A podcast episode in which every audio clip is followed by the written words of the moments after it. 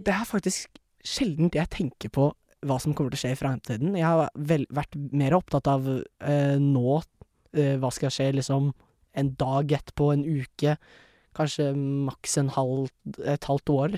Mm. Det er vel det meste jeg har gleda meg til noe, noensinne. For meg så kommer det an på hva framtiden er, fordi jeg tenker ikke på sånn som du sa 50 år i, fram i tid, men jeg tenker Jeg har begynt å tenke på hva jeg skal studere på, liksom. For jeg, jeg, jeg er veldig glad i å planlegge og sånn, så det, det er ting jeg tenker på ganske ofte, egentlig. Det er. Jeg må jo Eller jeg skal jo søke videregående Mm. neste år. Så da har jeg tenkt litt på det. Typ, og da tenker man jo med en gang litt sånn Hva vil jeg gjøre etter videregående? Hva vil jeg jobbe med? Sånn type ting. Men når man får høre hele tiden sånn Om 50 år finnes det ikke mer sjokolade. Da, hører, da føles det veldig veldig fjernt ut. Selv om jeg vet at jeg sikkert kommer til å leve da.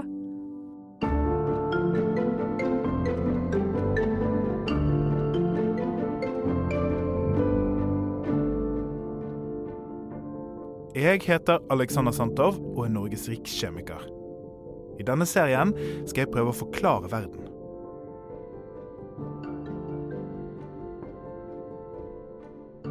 Vi lever i en viktig tid.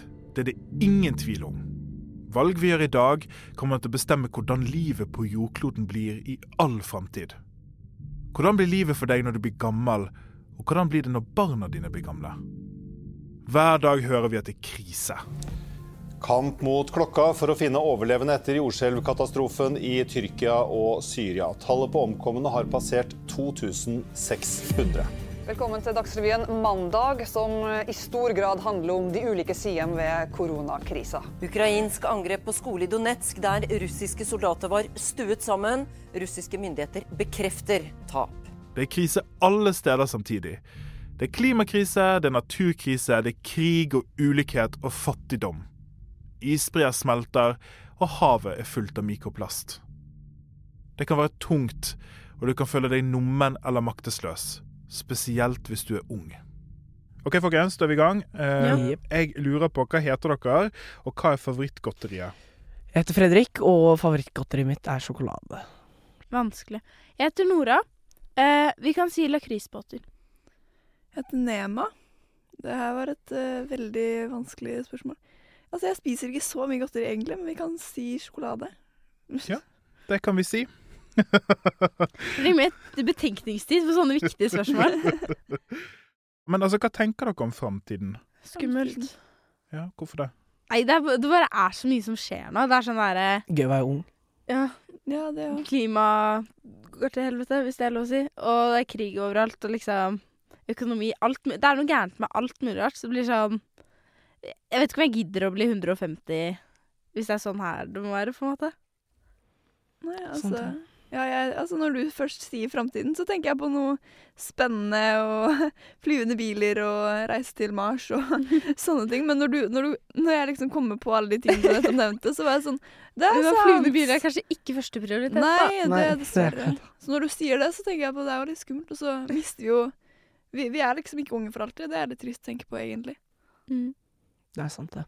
Og så er det jo sånn at eh, alt, det kan, alt kan jo skje på kort tid. Det har jo man jo vist, at uh, plutselig så har mobiler eh, 40 kameraer på baksiden. Ja, liksom. absolutt. Så det er jo eh, Det er mye som kan skje. Plutselig så kan man bo på Mars, liksom, så sånn, alle de sånn personlige problemer, sånn derre 'Å, hva vil jeg jobbe med? Hvor vil jeg bo alt sånt der. Men så blir det også sånn der spørsmålet Kommer jorda til å gå under i min generasjon eller den neste, på en måte? En ting vi mennesker er skikkelig gode på, er å bruke verden rundt oss til å løse problemer. Vi bygger ut datamaskiner romstasjoner, avanserte sykehus og medisiner.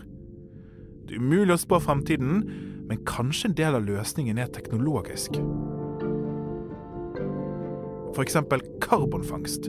Mange forsker på teknologi som gjør at vi kan hente karbondioksid fra atmosfæren og bruke den til å lage nyttige produkter. Det er gunstig, siden karbondioksid er en drivhusgass. Men det er flere problemer som må løses først, f.eks. så må vi få dette til å gå opp økonomisk. Et annet eksempel på framtidens teknologi er solenergi fra verdensrommet. Vi kan sende opp satellitter som har solceller på seg, og sånn henter de solenergi døgnet rundt. Men hvordan skal vi få overført solenergien fra satellitten til jorden? At dette her er eksempler på teknologi. Men hva er egentlig teknologi? Teknologi, det kan vel være alt fra en mobil til eh, en eh, ny, moderne sykkel. Eh, en elsykkel, eksempel. Det kan jo være en helt annen teknologi enn en mobil. Men sånn hvis vi tenker på klima og miljø, så er vel teknologi typ nye vindmøller, altså hvordan vi kan utvikle vannkraft til å bli elektrisitet, og prøve Ja. å holde det så mye som miljø, miljø- og klimavennlig som det går an, da. Det var en veldig bra forklaring på det. Jeg tenkte bare på elektrisitet, jeg. Ja, Det var det. Ja, Det- det var sånn, det- de som er elektriske eller sånn Ja, det, det var min sånn forklaring. ting. Det var bra sagt. Teknologi handler om å bruke vitenskap på en praktisk måte. Det er teknologi som gjør at du kan høre på meg nå, for eksempel. Vi mennesker er skikkelig gode på teknologi. Internett, sosiale medier og datamaskinen er alle eksempler på teknologi. En russebuss er òg eksempel på teknologi.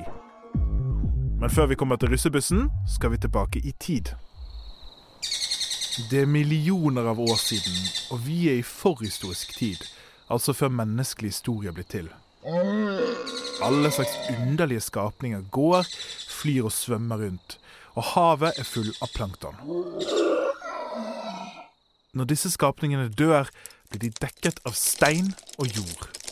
Og over lang, lang tid blir dødt plankton og andre organismer om til olje, kull og naturgass. Vi kaller dette for fossilt brensel.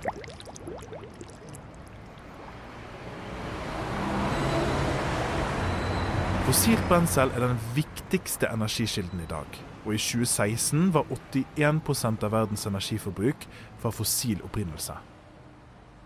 Den moderne verden går derfor på fossilt brensel. Og det holder biler og fabrikker i gang, det varmer hus og mye mer. Siden det tok millioner av år å danne fossilt brensel i naturen, er det en ikke-fornybar energikilde. Og en dag, som kanskje kommer dette århundret, går vi tom. Hva skal vi gjøre den dagen vi går tom? Skal hele verden stoppe opp? Så er det et annet problem. Og nå kommer vi endelig til russebussen. Gjengen her har brukt nesten to år på russebussen sin. De har jobbet kveld og deltid for å spare opp penger og brukt titusenvis av kroner. Og nå skal de endelig få nyte godene. Først må de bare fylle opp tanken. Bensin og diesel får vi ved raffinering av olje. Sånn, der er tanken full. Når russen kjører rundt, så skjer det kjemiske reaksjoner i motoren. Stoffene i bensin blir forbrent, og det vil si at de reagerer kjemisk med oksygengass. Da får vi ut to gasser. Vanndamp og karbondioksid. Gassene presser stempler i motoren, som gjør at hjulene går rundt, så russebussen kommer seg fremover. Karbondioksid som slippes ut av eksosrøret på bussen, er en viktig drivhusgass. Og en drivhusgass forsterker drivhuseffekten og øker global oppvarming.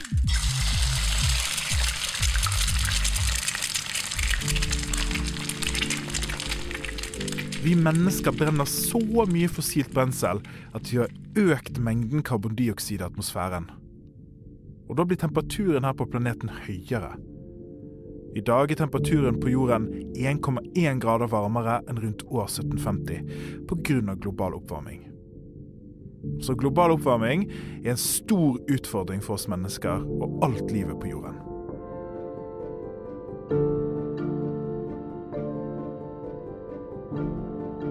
Så verden trenger en endring, og vi må bevege oss i en annen retning. Mange tenker at fornybar energi er framtiden.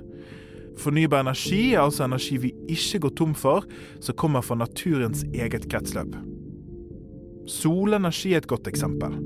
Solen skinner på jorden med så mye energi at bare halvannen time er nok til å dekke hele verdens energibehov i et helt år. Det finnes mange måter å utnytte solenergien på, men én viktig teknologi kalles solceller. De har nemlig evnen til å omdanne energien i sollyset til elektrisitet, altså strøm. De siste årene har solceller blitt vanligere, men det er en lang vei å gå ennå. Framtidens teknologi må derfor tillate oss å hente energien fra solen. Det høres enkelt ut, men er veldig vanskelig. For det første må teknologien være effektiv. Så må den være billig. Så må han være bærekraftig. Her trenger vi folk som kan utvikle framtidens teknologi. Er det noe teknologi dere skulle ønske vi lagde eller utviklet, som kunne fikset noe? Type utnytta at eh, vindmøller, mye mer sånn fornybar energi. Og prøve å få såpass mye at vi kan eh, dra, flytte vekk litt oljen, da. Litt som han sa, at vi kan bruke teknologien eller utvikle teknologi til klimakrisa. Men jeg tenker også at vi kan bruke den til å utvikle systemer som er litt mer sånn eh, samfunnsmessig, som med systemer som eh, fordeler penger og sånn bedre. Ja. Ja. Siden det er jo I Norge er det jo ikke et så stort problem, vil jeg si. Eller vi er en, et av landene som takler det bedre. Men i, i eksempel USA så er det ekstremt store forskjeller og veldig vanskelig Som hvis du er født inn i en mer fattig familie, så er det veldig vanskelig å komme deg ut av det. Og bruke teknologi til eh, å skape jobber, for eksempel, da. Eller systemer som kan fordele pengene i samfunnet bedre. Det tror jeg også er veldig viktig, siden det gir alle et bedre utgangspunkt. Mm. Hva med medisin og sånn, da? ja, det er jo veldig viktig. Ja, det er sant, det. Det har ikke jeg tenkt over før nå. Hva hvis man kunne fått en kreftvaksine, da? Det hadde vært Det veldig hadde vært fornuftig. veldig Det hadde bra. vært Mm. kjempebra. Da hadde man redda mange liv, og Mm. det er jo en veldig trist mange. måte å dø på. Man Mm. kan nesten ikke gjøre så veldig mye mot det. Men så blir spørsmålet hvem skal utvikle den, da? Oss Ja. blir jo Det blir jo det, da. Ja, blir jo det da. ansvaret faller på oss igjen. Framtiden er teknologisk. Hva slags teknologi tenker du vi trenger i framtiden?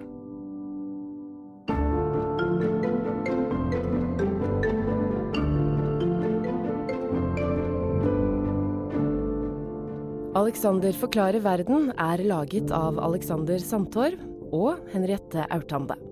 Produsert av Henry Produksjon for Aschehoug skole. Og tusen takk til vårt fantastiske panel, Fredrik, Nora og Nema.